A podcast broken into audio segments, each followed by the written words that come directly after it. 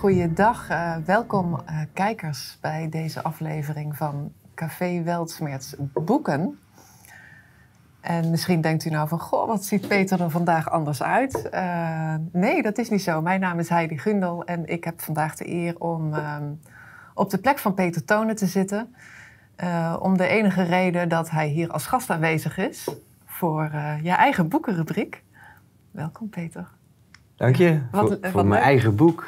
Ja, leuk hè, dat je zo in één keer op een andere stoel zit uh, in je eigen studio. Ik word wel eens geïnterviewd, maar hier is het nog niet gebeurd. Nee, nee. nee. vandaag de eerste keer. Ja. Ja. um, ja, Peter, ik vind het hartstikke leuk dat ik vandaag hier uh, de eer heb gekregen om jou uh, ja, te interviewen, vragen te stellen over jouw boek die al vier jaar geleden eigenlijk is uitgekomen, maar onlangs opnieuw is uitgebracht. En we zien het hier al achter op het scherm, opgesloten in een piramide. Dat is het boek waar we het vandaag over gaan hebben. Ik hou hem toch ook nog eventjes naar voren. En ehm, ja, dit is het boek wat vandaag besproken gaat worden. Uh, je kan natuurlijk niet jezelf uh, interviewen, dus vandaar dat ik die eer heb gekregen. Um, wat zo grappig is, dit boek is onlangs uitgekomen omdat het een nieuwe oplage is. Hè? Mm -hmm. Het is eerder uitgekomen in 2018 en toen zag het er zo uit. En dit is mijn eigen exemplaar. Um, ik heb dat al ja, een aantal keren gelezen, met heel veel plezier. En wat ik zo bijzonder vind, is dat dit boek in 2018 is uitgekomen. En je mhm. zou haast denken dat het onlangs is uitgekomen. Het is totaal niet gedateerd. Het gaat echt over nu. Mm um, ja, misschien kunnen we even beginnen waar de mensen jou ook van kennen. En dat is weer van een ander boek, van een andere boeken serie. En dat gaat over de oude Maya's. Mm Jij bent eigenlijk de expert van oudsher op het gebied van de Maya-kalenders. Die, uh, ja, de lange telling kalender is afgelopen op 21 december 2012. Na een cyclus van 26.000 jaar. En zo begin jij ook dit boek. Mm Dat is me opgevallen toen ik het opnieuw ben gaan lezen. Ja. Um, ja, in mij kwam de vraag op: hoe ben jij eigenlijk van, uh, vanuit de, de, de wijsheid, uh, de kalenders van de Maya's, bij dit boek uitgekomen? Tegen 2012 uh, eh, vroeg iedereen aan mij: Peter, wat gaat er gebeuren na 2012? Ehm, en toen ben ik dan maar eens ingedoken en ik zag allerlei mogelijkheden. Van goh, we kunnen naar een leukere wereld. Kijk, die Maya's die hadden niet gezegd dat, dat de wereld ging vergaan, maar dat er een verschuiving in bewustzijn zou komen.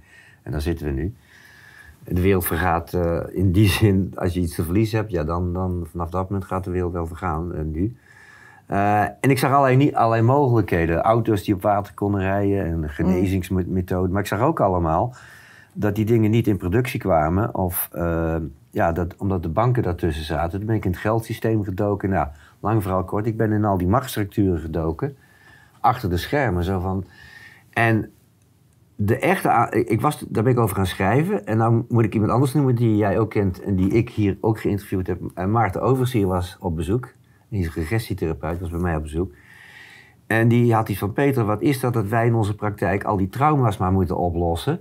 En hoe kan het dat het zich telkens herhaalt? Er is een Eerste Wereldoorlog, een Tweede Wereldoorlog en een, en een kerk die ons knecht. En, en toen viel bij mij het muntje. Ik zei: Ja, we hebben de, de geschiedenis is niet zoals ze het ons verteld hebben. Nee. Dus de werktitel van mijn boek werd een alternatief geschiedenisverhaal. Ja. Waarbij uh, ja, ik eigenlijk al 13.000 jaar terug begin. Dus niet bij de Rothschilds een paar eeuwen terug, of weet je, dat de banken het voor het zeggen kregen. Ik, ik, ga, ik ben langer teruggegaan, omdat er is een soort zonvloed geweest. Bijna 13.000 jaar terug is de zeespiegel op aarde 100 meter gestegen. En daarna zijn we landbouw gaan plegen. Maar daar waren ook de eerste tempels. En in die tempels werd ons verteld dat wij de baas over de natuur waren. Mhm. Over de dieren en de planten. En boven ons stond ook een soort baas. Goden waar wij voor moesten knielen. Mhm. En in mijn optiek is daar het hele systeem ontstaan waar we nu in zitten. Uh, die, die, die, piramidale uh, structuur, met die, met die kerels meestal. Uh, die elite aan de top, die ons ja. vertelt wat we moeten doen. Ja. Maar was, was dat voor jou nieuwe materie toen je daarmee begon met schrijven? Want ik, ik zie natuurlijk ook dat je ja, inspiratie hebt opgedaan van, van allerlei uh, mensen en boeken. Mensen die hier ook al jarenlang over geschreven hebben, zoals bijvoorbeeld Marcel Messing of David Icke zag ik staan. Uh, Geert Kimpen zag ik ook voorbij komen. Uh, maar, maar allerlei ehm, schrijvers en inspiratoren die, ja, die jou ertoe hebben besloten om, om deze inhoud in dit boek te zetten. Maar de, het, het, scheelt nogal wat van, van de, de hè, kalenders van de Maya's. Het is nogal een sprong in de tijd die je nou, maakt. Ik, ik, ik, de overeenkomst is...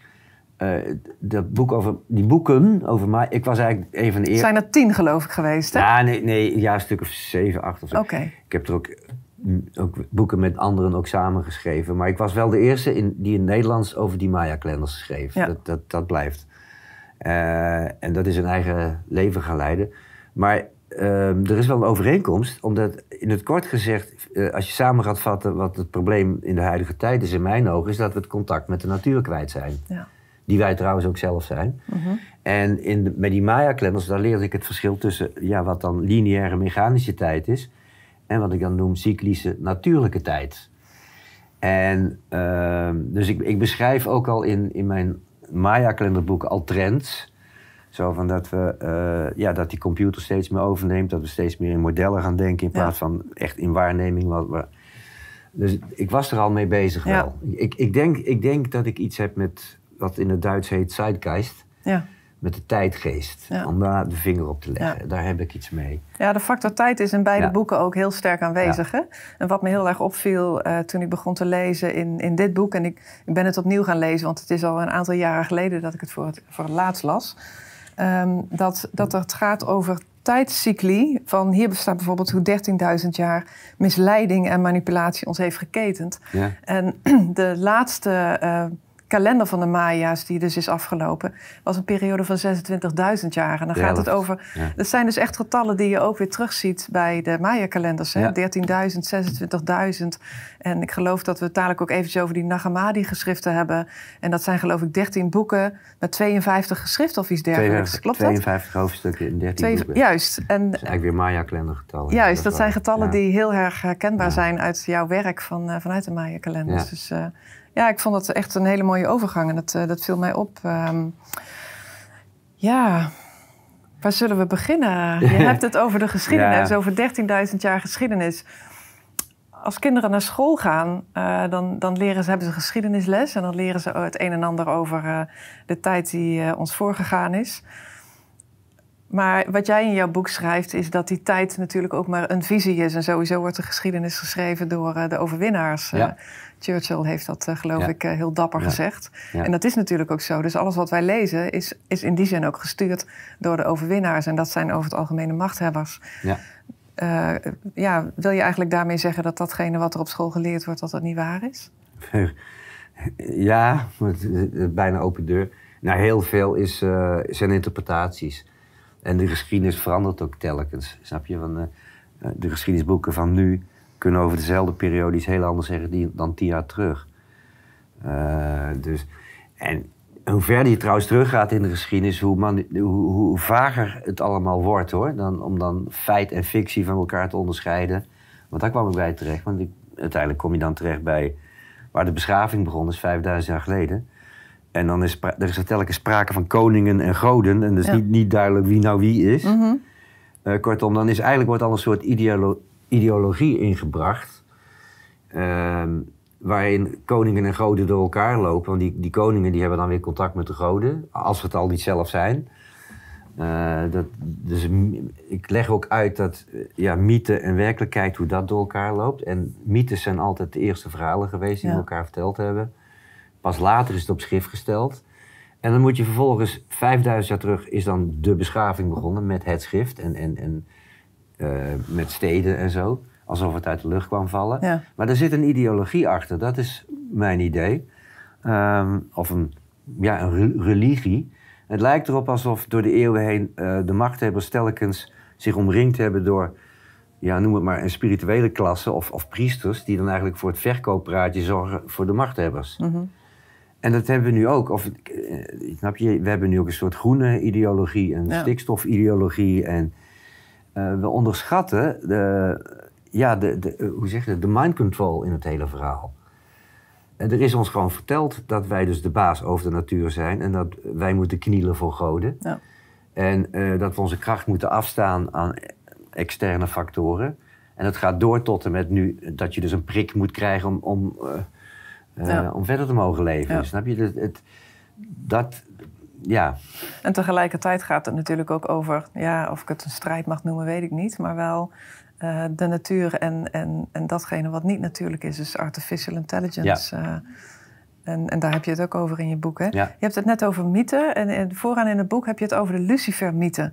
Wil je daar iets over vertellen? Want ik, ik kan me van mezelf herinneren dat ik regelmatig in de war ben geraakt van wie is nou Lucifer, wie is nou Satan, wie is nou de duivel. Dan hebben we ook nog een keer over Ariman. Ja. Het zijn allerlei figuren die volgens mij heel erg door de war uh, gehaald worden. Ja. En Ehm, ja, misschien is het waardevol om daar iets over te zeggen. Nou, ik, denk dat ik dan moet vertellen inderdaad over wat jij noemde al, de Nag Hammadi geschriften.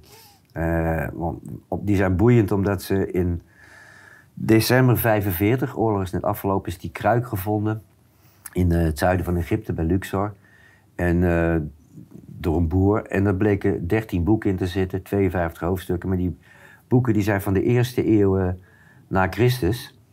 En die zijn van de Gnostici. En de gnostiek is een beweging uit ja, de zesde eeuw voor Christus. Maar in de gnostiek, wat, wat, toen de grootste spirituele stroming op aarde was, naast het hindoeïsme. Uh, de gnostiek zegt eigenlijk, ken u zelf. Dus je, je kan, moet alles zelf onderzoeken. In die boeken kwamen geschriften voor van Plato. Maar ook gesprekken van eh, de, de, apostelen met Christus. Dat staat allemaal. Maar het is, in die boeken staat niet wat in het Nieuwe Testament geschreven is. Ja. En daar wordt een heel interessant scheppingsverhaal verteld. Want je hebt het, eigenlijk zijn die boeken die zijn.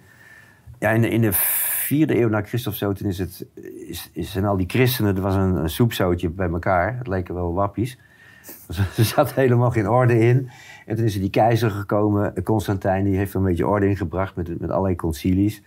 En toen is gezegd, nou, dit komt in het Nieuwe Testament en dat niet. En in die Nag Hammadi, daar vind je dus oudere geschriften van voor het Nieuwe Testament. Die zijn dus heel authentiek, want die zijn in het koptisch opgeschreven, dus dat kunnen we nog lezen. Nou, dan vind je een scheppingsverhaal, in het kort gezegd, um, ja, waarin er een schepper is die een schepping schept. En dan zijn er, is er sprake van afvalligen. En dan, ja, dan krijg je het verhaal van ja, Lucifer, of hoe je het allemaal noemen wilt. In dit geval uh, is het Sophia. Uh, het was de, een dochter van God. En die is uit de schaduw van de schepping, een eigen schepping begonnen en die heeft uh, de, uh, de demiurg, of Jadbarot, die, dat is de, de. Ja.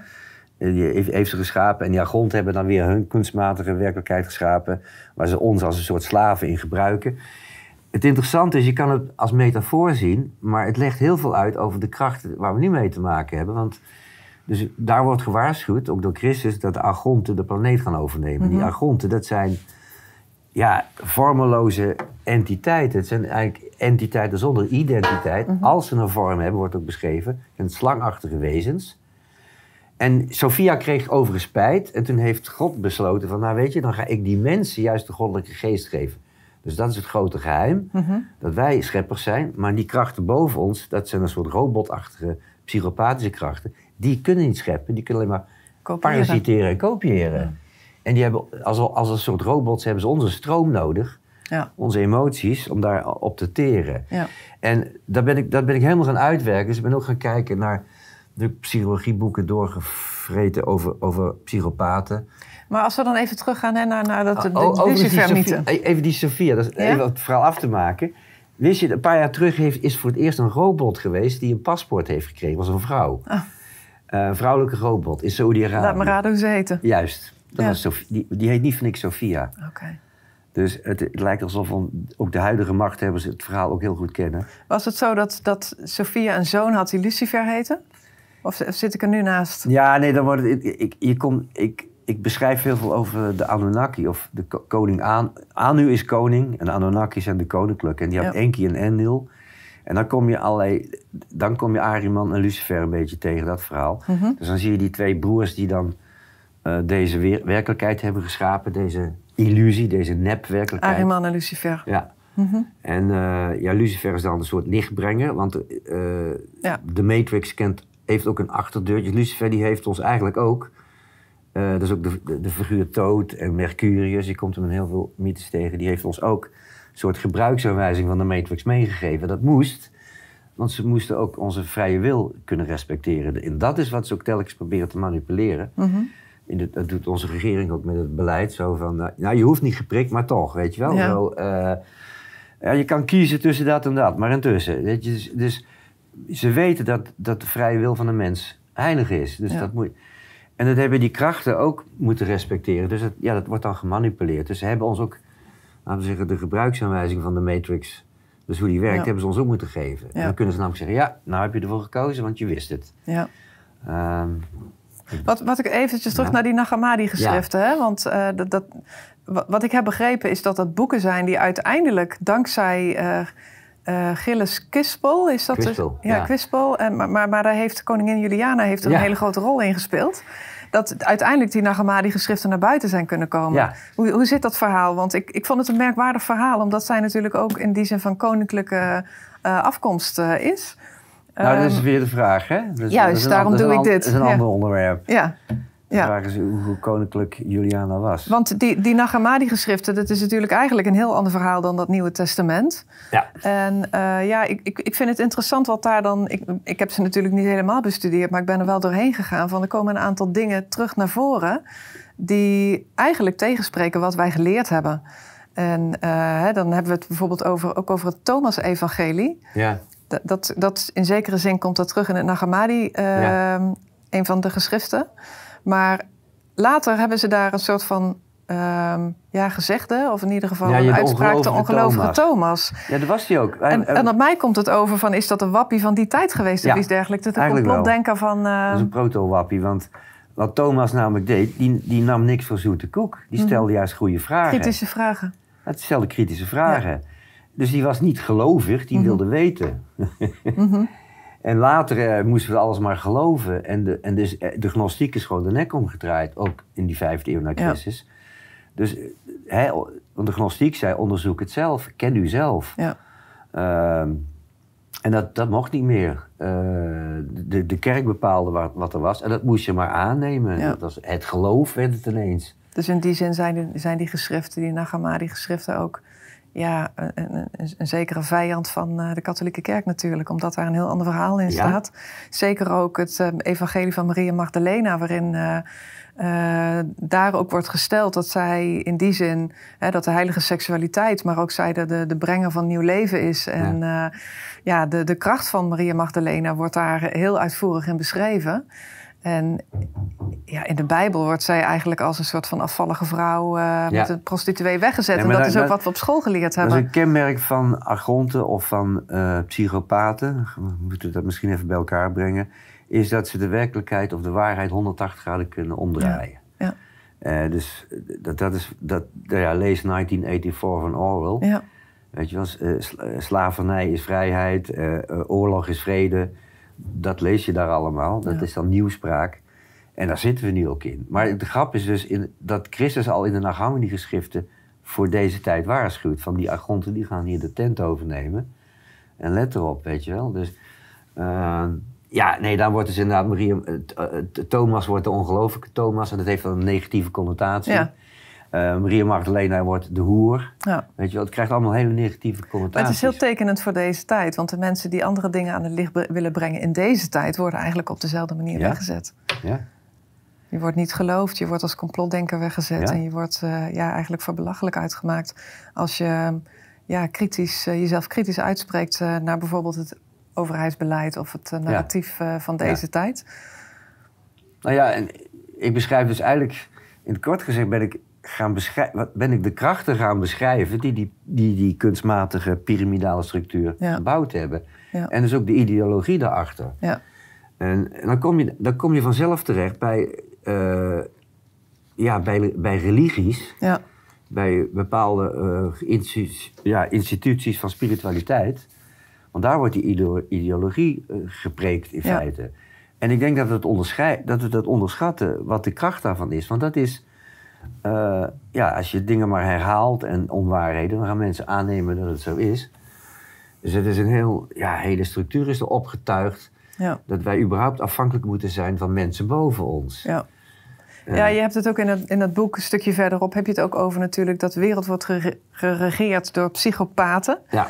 En wat ik heel erg interessant vond om te zien, is dat er enerzijds wordt gezegd dat psychopaten, dat ongeveer 4% van de mensheid psychopaat is, of 4% van de bevolking.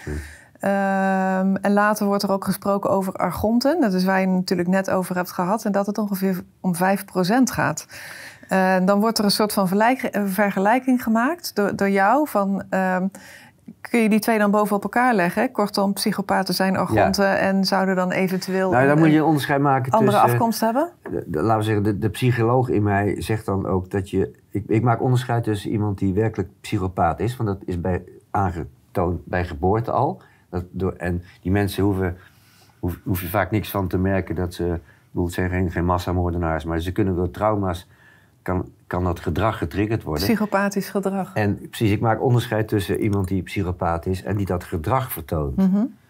En in, overle in, in uh, overlevingssituaties zijn mensen eerder geneigd om ook de psychopaat uit te gaan hangen.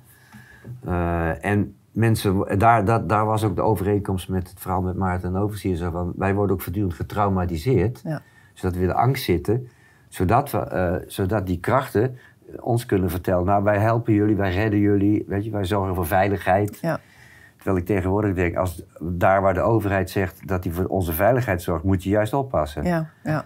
ja. En continue oorlogvoering natuurlijk, hè, door de tijd heen. Ja. ja.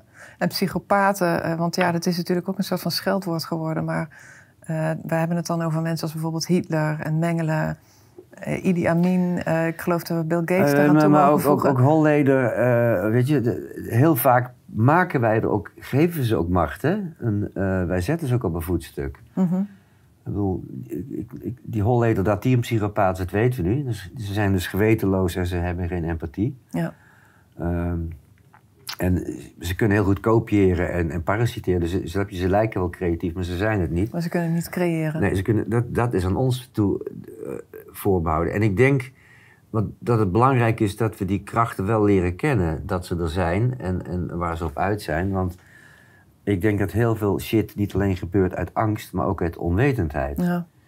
En ik probeer in dit boek heel duidelijk die krachten te beschrijven. En, en ik laat daarin ook laten we zeggen, uh, mythe en psychologie soort van door elkaar lopen. Of, uh, nou ja, door elkaar lopen. Ik, ik gebruik het, ik zet het allemaal op een rijtje. Het is, meeste werk aan het boek is, is het onderzoek geweest. En alle referenties en noten. Wat je, alles wat erin staat, kan je allemaal zelf opzoeken. Ja. Dat is echt het is een behoorlijk onderzoek geweest. Ja, ik, ik zie ook dat er achter ieder hoofdstuk heb je ook uh, ja, de, de, de noten erachter gezet, zeg maar. En ook waar je ja, inspiratie eh, uit hebt gehaald. En dat, ja, dat is nogal wat, hè. Dat is nogal wat werk. Uh, ik zie ook veel Marcel Messing, David Icke erbij staan. Maar, maar ja, ook de wat oudere geschriften. Dus het, het, het is... Ja, het is, het is niet echt een heel groot boek, uh, om het zo maar te zeggen. Ik pak nou mijn oude exemplaar, maar ik moet eigenlijk een nieuwe exemplaar pakken. Maar um, ja, ik vind de inhoud wel echt ongelooflijk waardevol. Omdat het, het, het is niet gedateerd. Het is in 2018 geschreven. En als ik het nu lees, heb ik echt zoiets van... wauw, dit is ja, ik, eh, drie maanden geleden uitgekomen. Ik beschrijf waar, wat nu aan het licht komt. Ja. Ik bedoel, Apocalypse, uh, dat, is, dat is ook zoiets. Ook voor, voor, voor Apocalypse heeft de filmindustrie van gemaakt Armageddon. Dus dat de boel instort. Maar Apocalypse is gewoon een Grieks woord voor openbaring. Ja het, boek Apocalypse, dat is het boek open, van Johannes, hè, eh, de openbaring, ja. dat alles komt aan het licht. Ja. Uh, er is weer een stuk angst achter gezet, hè?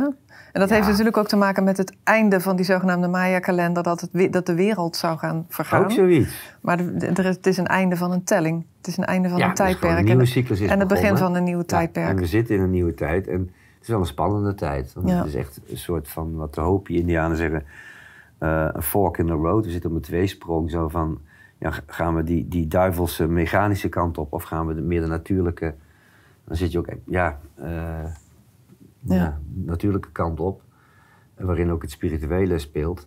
Het hele ding is ook, weet je, um, ja, ja, het, het, het is, ik ben gewoon gaan kijken wat voor krachten zitten hier nou achter dat we, dat we daarin. Maar het zit ook in ons, onze eigen angsten worden aangesproken ja. door machthebbers. Ja. En ja, de grap is, het boek is in 2018. En het is tijdens de coronacrisis het juist weer goed gaan verlopen. Het was het al jaren uit, toen begon het goed te lopen weer. Ja. Mensen gingen ook trouwens meer, heb ik van uh, gehoord, gingen ook meer boeken over zingeving lezen. Ze zaten ook meer thuis in, in lockdown. En ik had het aanvankelijk zelf uitgebracht, maar ik wilde daarvan af. Om, uh, ik, ben, ik ben schrijver, verteller, coach. Uh, ik heb ook een praktijk daarin. Maar ik wilde niet ook nog, nog al die tijd ook nog uitgever zijn. Dus ik heb elk boeks ja, dat is, het, dat is dus waar jouw, hè, de nieuwe oplage of de nieuwe uh, uitgave is uh, uitgebracht bij uh, elke uitgevers. um, nog eventjes terug naar het boek, hè, want op een gegeven moment heb je het ook over mind control. En die vind ik eigenlijk wel heel erg interessant. Ik, ja, ik heb me er zelf best wel in verdiept in mind control. En wat ik eigenlijk teruglees is dat, dat mind control is niet iets van de afgelopen decennia. Het is iets wat gewoon in de loop der ja, ja. eonen uh, is voorgekomen. En ik ben daar best wel van geschrokken. Uh, destijds heb ik dit boek gelezen, in ja, 2018 moet dat zijn geweest. En toen vielen er al heel veel kwartjes. Maar door, doordat die coronatijd aanbrak en er natuurlijk zoveel meer onderzoek aan het licht zijn gekomen, uh, ben ik wat meer ook met het uh, hele idee van mind control in contact gekomen. En als je dan eigenlijk terugleest wat er door de, door de geschiedenis heen um, ja, op ons afgevuurd is. Het is gewoon bijna niet te geloven. Ja? Het is gewoon echt bijna niet te geloven dat, dat door eigenlijk sinds het bestaan van de mens wellicht... dat, dat ons, onze mind, ons brein gemanipuleerd is. Nou ja, je, je leest in die oudere schriften dus dat wij... Uh, zeg het, als je, als je, Oké, als je het verhaal van de Anunnaki neemt... Dat is Sumerische cultuur, dat is de oudste echte beschaving, waar nu alles het Waar de kleitabletten eigenlijk ook uh, zichtbare informatie ja, en daar, daar, wordt verteld over die Anu en met zijn Anunnaki. En dat hij uh, goud nodig had, en daar, maar dat kon hij niet meer delven. Dus toen heeft hij uh, mensen tot slaven gemaakt. En dan kom je dus... In mijn optiek zijn wij... Zijn, maar dat zegt de Nagamedi ook... Zijn wij de groten die nou denken dat ja. ze slaven zijn. En, daar, daar, en daar, daar, dat zegt ook Una gaan die van daar, wil, daar willen de Anunnaki ons van afhouden. Dat is het grote geheim is dat wij de scheppers zijn en niet zij. Ja. Met hun systemen en hun controle. Zij zijn uit op controle en macht. En wij zijn meer uit op uh, verbinding. Uh, en, en gewoon creatief zijn en, en spelen ja, en creatie, ja. ja. En dat hebben zij niet. Ze kijken het van ons af en om ons juist gevangen te houden en te kunnen controleren. En onze energie te kunnen oogsten, als het ware. Want dat is hun voedsel, ja. onze angsten. Ja. En dat gaat heel verder. Dat beschrijf ik er ook zo van. Dan kom je ook terecht bij, bij kinderen offeren in, in de oude tijden. Ja, waarom zou dat nu nog niet nog steeds zo zijn? Mm -hmm. ja, het is interessant om het daar ook eens een keer uitgebreid over ja, te hebben. Ja, dan kom je bij... bij satanisme is, is dus ook heel oud. Maar wat je ook, ook eentje die heel oud is... Social media we hebben op een gegeven moment, 5000 jaar terug, hebben het schrift gekregen. Maar van meet af, dat kan je als, als de eerste social media zien. Maar die zijn van meet af aan, niet alleen nu door Google of uh, Facebook, maar die werden ook toen al gecontroleerd. Ja. Want er werd van bovenaf bepaald wat er in die boeken stond. En die eerste boeken waren eigenlijk een soort, bijna een soort wetboeken, waarin ons verteld werd hoe we ons moesten gedragen. En met een wraakzuchtige God, want zo braaf was was die God, waren die goden ook helemaal niet. En die goden hadden ook allemaal ruzie met elkaar. Dus die liefdevolle God, waar jij op school mee opgevoed bent, die vind je niet terug in Godvader, zoals de antroposofen spreken. Ja, dat vind je niet terug in, in die oude boeken. Want dat was uh, een hele...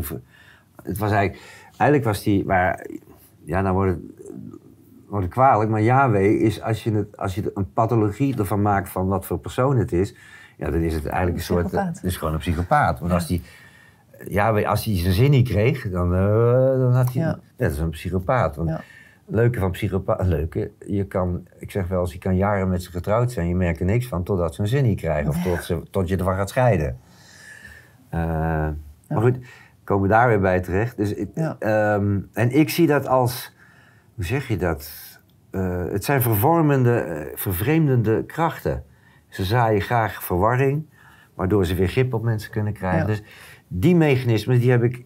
Ja, in het, op persoonlijk niveau vind je bij een psychopaat terug. Maar het zijn ook, ik zie het ook als energieën, als krachten, als gedachtenvelden... die bij mensen naar binnen dringen. En op het moment, is mijn ervaring, als je niet in je hart bent... ja, dan kan welke kracht of gedachte het dan ook van je overnemen. En dan ben je manipuleerbaar. En die mechanismes die heb ik zeer uitgebreid dus zitten beschrijven.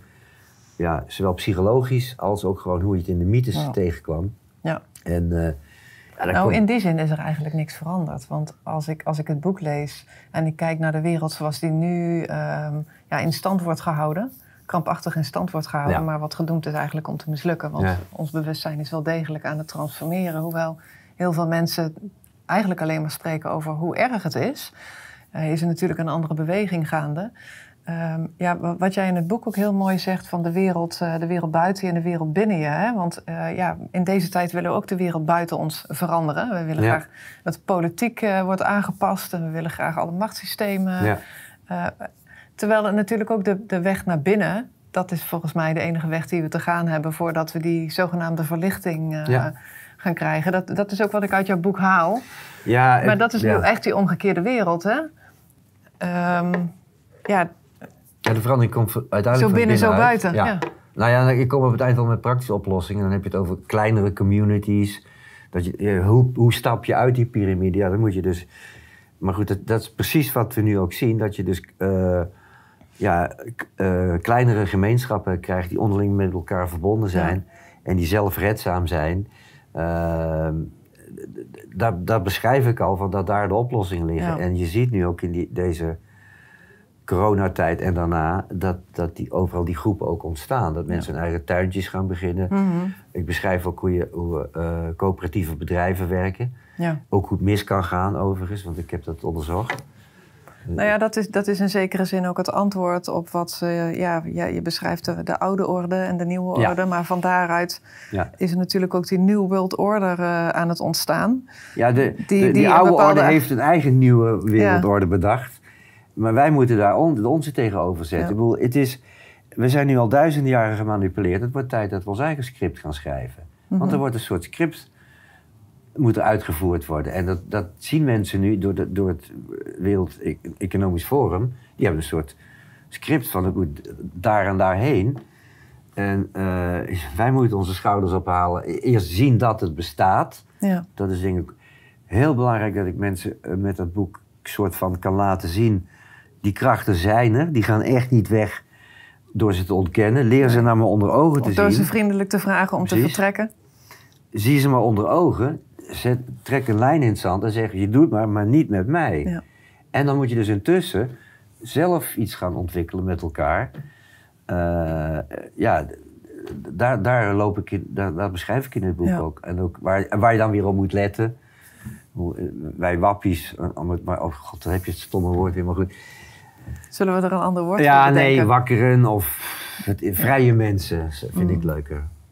Ja. Uh, wil, wil je, ik vind het nog steeds vreemd dat, dat, dat iemand op een tv-schermpje of een laptop die ik niet ken, mij moet vertellen wat ik moet gaan doen. Ja. En heel veel mensen vinden dat niet vreemd en dat vind ik dan weer vreemd. Maar uh, snap je, dus als je uit die piramidestructuur wilt, die van boven alles, die eigenlijk alleen maar op, eh, op controle en macht uit is. Hè? Die heeft maar toen je dat boek schreef, want dat is natuurlijk, ja, ik denk ergens in 2017 begonnen, want het is in 2018 uitgekomen. Um, had je toen net zo'n helder beeld van wat er, wat er eigenlijk, hoe de wereld er nu uitziet, als dat je nu hebt? Nee, dat is een goede vraag. Nee, dat ontstond. Oké, uh, na, de, na de bankencrisis, financiële crisis 2008, 2009 kon je zien dat, uh, laten we zeggen, niet onze regeringen of wij de dienst uitmaakten, maar de banken. Het, geld, mhm. het financiële systeem heeft ons tot slaaf gemaakt. Ja. We hebben allemaal, eerst hadden we schuld aan de kerk, nu hebben we schuld aan de banken. En daar, ik ben dus heel erg in dat financiële systeem gedoken. En zo ben ik ook betrokken geraakt bij eh, de Blije Bank, met, samen met Ronald Bernard. En ook Ad Broeren leren kennen. En dus ik ben heel erg daarin gedoken. En ja, ik zie ook dat je hem noemt in het boek, hè? Ja. ja. Ja, uh, en ik raad ook... Wij raden elkaars boek ook aan. Het grappige is dat zijn laatste boek en mijn laatste boek kwamen tegelijk uit. Ja. En, we, en ze zijn aanvullend. Ja. Want uh, ik vertel meer de, de, achtergrond van die krachten. En hij laat zien hoe dat zich financieel dan uit, hoe dat uitpakt. Ja, bekijkt het vanuit een andere kant, ja. Maar ik vertel hier ook een heel verhaal over hoe het in Nederland het, het foute financiële systeem ontstaan is. Ik, is een heel hoofdstuk gewijd aan de, eh, de Gouden Eeuw.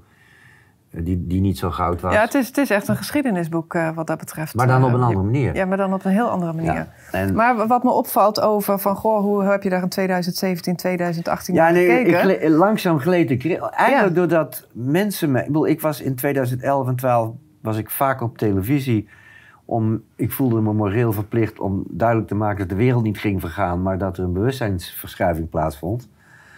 Maar ja, toen ging ik ik ging zelf ook onderzoeken, ja, waar gaat het dan heen? En wat ik al zei, van, ik zag allerlei mogelijkheden, maar dat werd, dat werd niet gefinancierd. Die Uitvindingen kwamen nooit verder dan prototype, gingen nooit in productie. Huh? Hoezo? Daar wordt de wereld toch beter van? Nee, dat was dan, Ja. je komt erachter dat, dat die banken er niet voor, en die regeringen er niet voor ons zijn. En daar ben ik... En- Maar hoe moet het dan zijn als je een, een boek schrijft en eigenlijk jaren later kom je erachter dat datgene wat je geschreven heeft, dat het ook gewoon nog werkelijkheid is geworden? Want destijds was het eigenlijk nog het voorstadium van die hele Ja, ja, ja, nee, zogenaamde Great Reset waar ze nu mee bezig Oké, zijn. al sch- schrijven aan dit boek is vooral onderzoek geweest. Het meeste is onderzoek geweest en dan haal je er weer stukjes uit, dan kun je weer verder schrijven. En dan kom je erachter dat het konijnenhol dieper gaat Ja. dan ik dacht. Ja. Dus ik ben al schrijvend en onderzoekend stond ik ook af en toe, wow, is het zo erg? Ja. Is dat dat wat er aan de hand is? En, en toen moest het nog beginnen eigenlijk in 2020. En toen Of kon je, eind je- je- je 2019.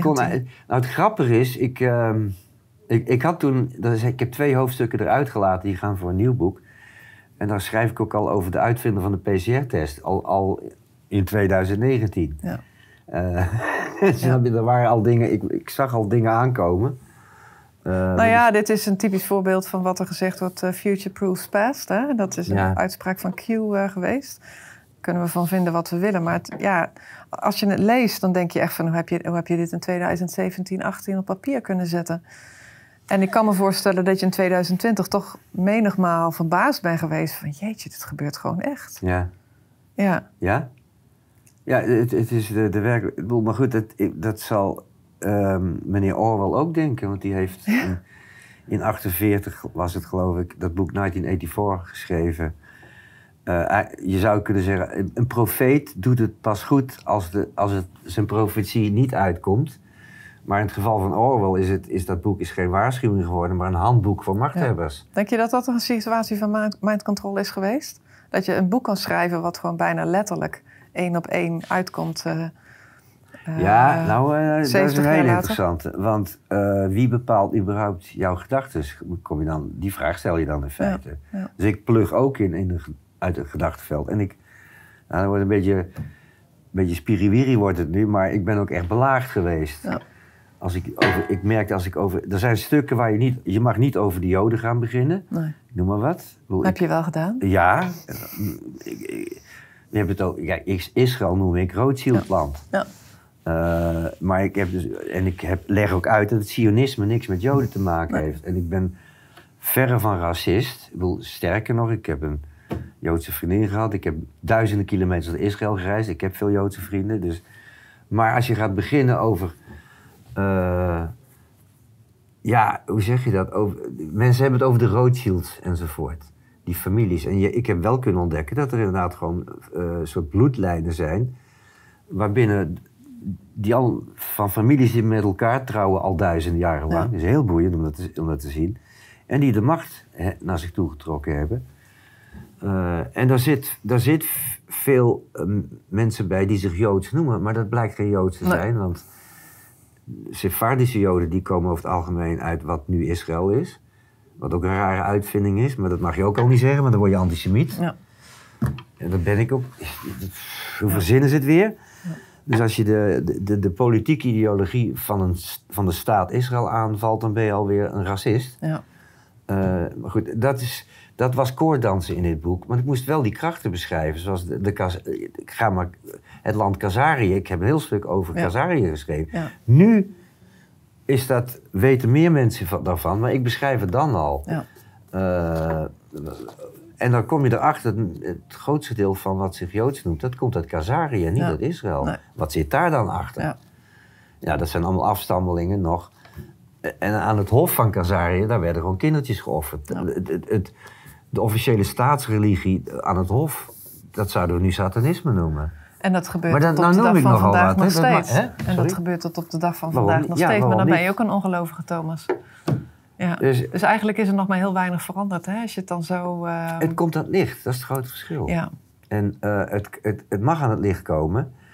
Ehm, ik heb het boek geschreven, ah, snap je, van ik neem mensen heel langzaam aan, aan de hand mee. Dus je hoeft niet een wakker iemand te zijn om, eh, om dit boek te kunnen lezen. Nee. Ik heb liever zelfs dat, mocht je in het, in de onderwerpen geïnteresseerd zijn, dan neem ik je gewoon rustig aan de hand mee. En dan wordt Ja. het wel confronterend. Nou, maar dat was het zeker ook. Want toen ik het in 2018 las, toen viel er wel heel veel op zijn plek. En daarvoor had ik natuurlijk ook wel het een en ander hierover gelezen. Ehm, maar toch zijn er later weer, weer meer kwartjes gevallen en veel diepere lagen. Ja. Ben ik gaan inzien, ben ik gaan begrijpen. En zelfs nog toen ik het de afgelopen week opnieuw ben gaan lezen, had ik zoiets van: ja, inderdaad, jeetjes, we heb ik het destijds niet gelezen. Dus eh, dat, er vallen echt diepere lagen als je Ja, het dan kijk, weer opnieuw leest. Op school wordt je over Napoleon verteld. Ja. Nou, eh, de- er is naast Jezus Christus is er niemand waar zoveel boeken over bestaan dan over Napoleon. Maar Napoleon heeft miljoenen dooien op zijn geweten Ja. door zijn oorlogen. En wat ook weinig geweten is dat die, de Rothschilds hebben hun kapitaal eh, kunnen opbouwen door de Napoleontische oorlogen. Door telkens aan beide partijen goederen te verkopen. Ja. En dus toen eh, Napoleon werd verslagen, Nou ja, goederen, wapens. Hè? toen, had, toen hadden de. Rothschilds gewonnen. Ja. Vanaf dat moment, twee eeuwen geleden, was er voor het eerst een, een particuliere bank die meer in, in huis had dan een natie, dan een staat. En, en dat, was, aan- dat was dus in, in Engeland aan de vooravond van, van het grote Britse Rijk. Dus kan je nagaan wie dat betaald heeft. Ja. En je ziet dus, snap je, dus al die dingen, dat, dat zijn allemaal blauwdrukken die toen al neergezet zijn. Ja. En, en die al veel langer lopen dan, dan mensen denken. Ja. Eh, want die Rothschilds die vonden uit, ja, als je aan, als je aan particuliere geld beleent, ja, dan moet je afwachten of je het terugkrijgt. Maar, niemand, hè? maar als je aan de staat be- beleent, nou, die gaat gewoon belasting verhogen. Nou, dat kennen we nou. Ja, dan Weet je hoe dat werkt. Al die ja. megaprojecten die er al... Zo, het het megaproject corona is er ook zo een. Er is miljarden in gestopt. Ja. Klimaat. En ehm, klimaat er wordt Oorlog. miljarden in gestopt. ja. Stikstofcrisis. Dus er worden crisissen gecreëerd. Er zijn- er is altijd een crisis. ja, ja, er is altijd een crisis of er zeker ergens een oorlog waardoor trauma ontstaat. er even voor betalen. En de- nou, die mechanismes. Ik heb zoveel, beschrijf ik in dit boek, dat ik zeg met een soort, bijna een soort knipoog. Herkent u dit? Herkent u dit? Ja, En het leuke is dat je dan de geschiedenis, maar ook de mythes, als metafoor kan gebruiken voor deze voor tijd. deze tijd. Ja, dat is me zeker ook opgevallen. En daarom was ik eigenlijk ook zo verbaasd van hoe heb jij dit boek destijds kunnen schrijven, terwijl deze, ja, deze periode van de afgelopen twee, drie jaar nog niet eens was aangevangen. En, en dat vind ik echt verbazingwekkend. En eh, Nou, ik, ik, dat, ik- lees ik, dat lees ik dus terug ik in het wist boek. in, in mij, eh, toen, toen Willem Engel heeft hier vaak gezeten en, eh, en, en Jeroen Pols en zij gingen al die rechtszaken aanspannen.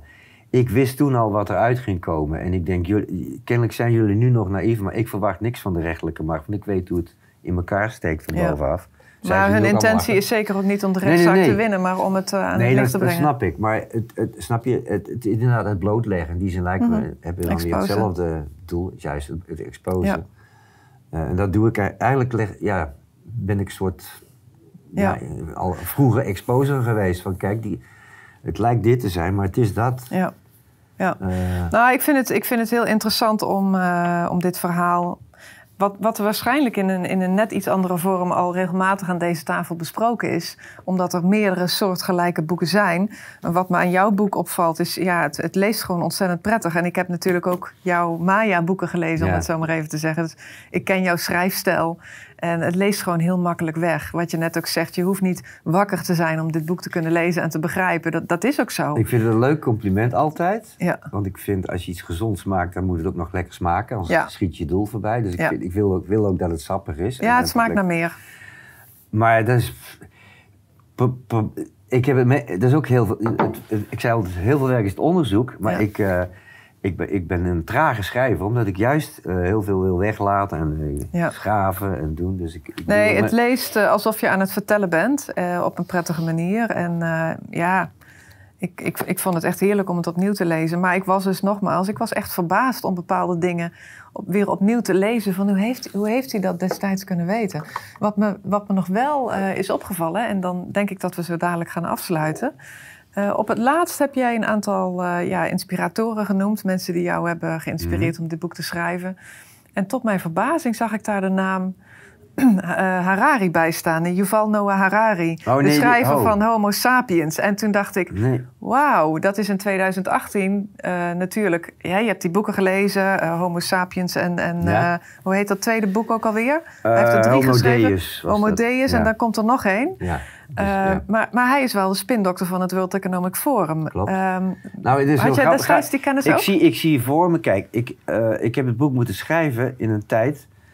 Oké, ik had. eh, ik heb een jaar lang bijna niet kunnen werken omdat ik een paar keer in het ziekenhuis ben beland met een klaplong. Een apart Ja. verhaal. Wat nog steeds een raar verhaal is, want het had niet met mijn rookgeschiedenis te maken, bleek. Want ze konden dat niet zien aan de longen. Maar goed.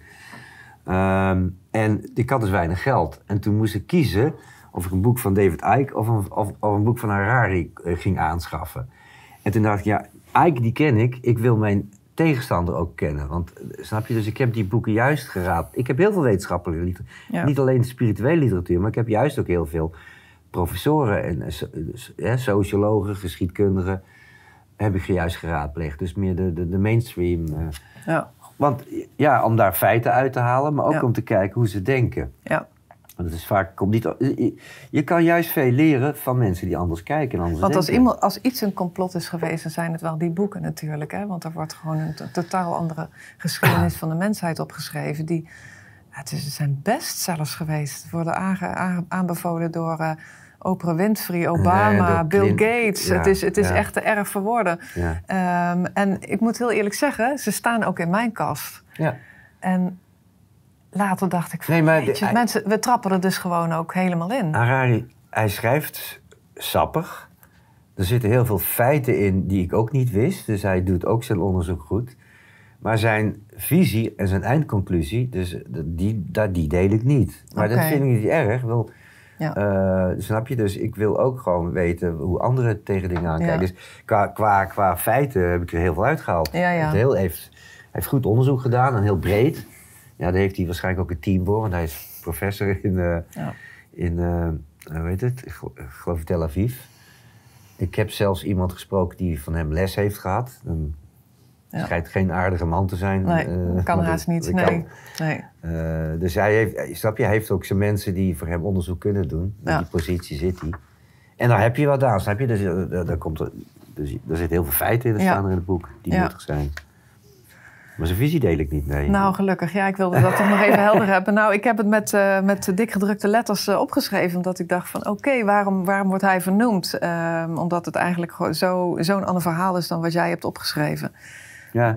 Ja, Nee, maar je, je, kan, je kan wat een andere voor jou... Feiten kan je altijd gebruiken. En je, bent, ja, je, kan, er iets, je kan ze zelf interpreteren. En Mhm. hij heeft in zijn boeken staan vol feiten. Mhm. Eh, Ja. goed. we sluiten af met dit boek. ja? Wil jij hier nog iets over zeggen wat de mensen moeten weten? Waarom, waarom moeten mensen dit boek gaan kopen? en waar gaan ze dit kopen?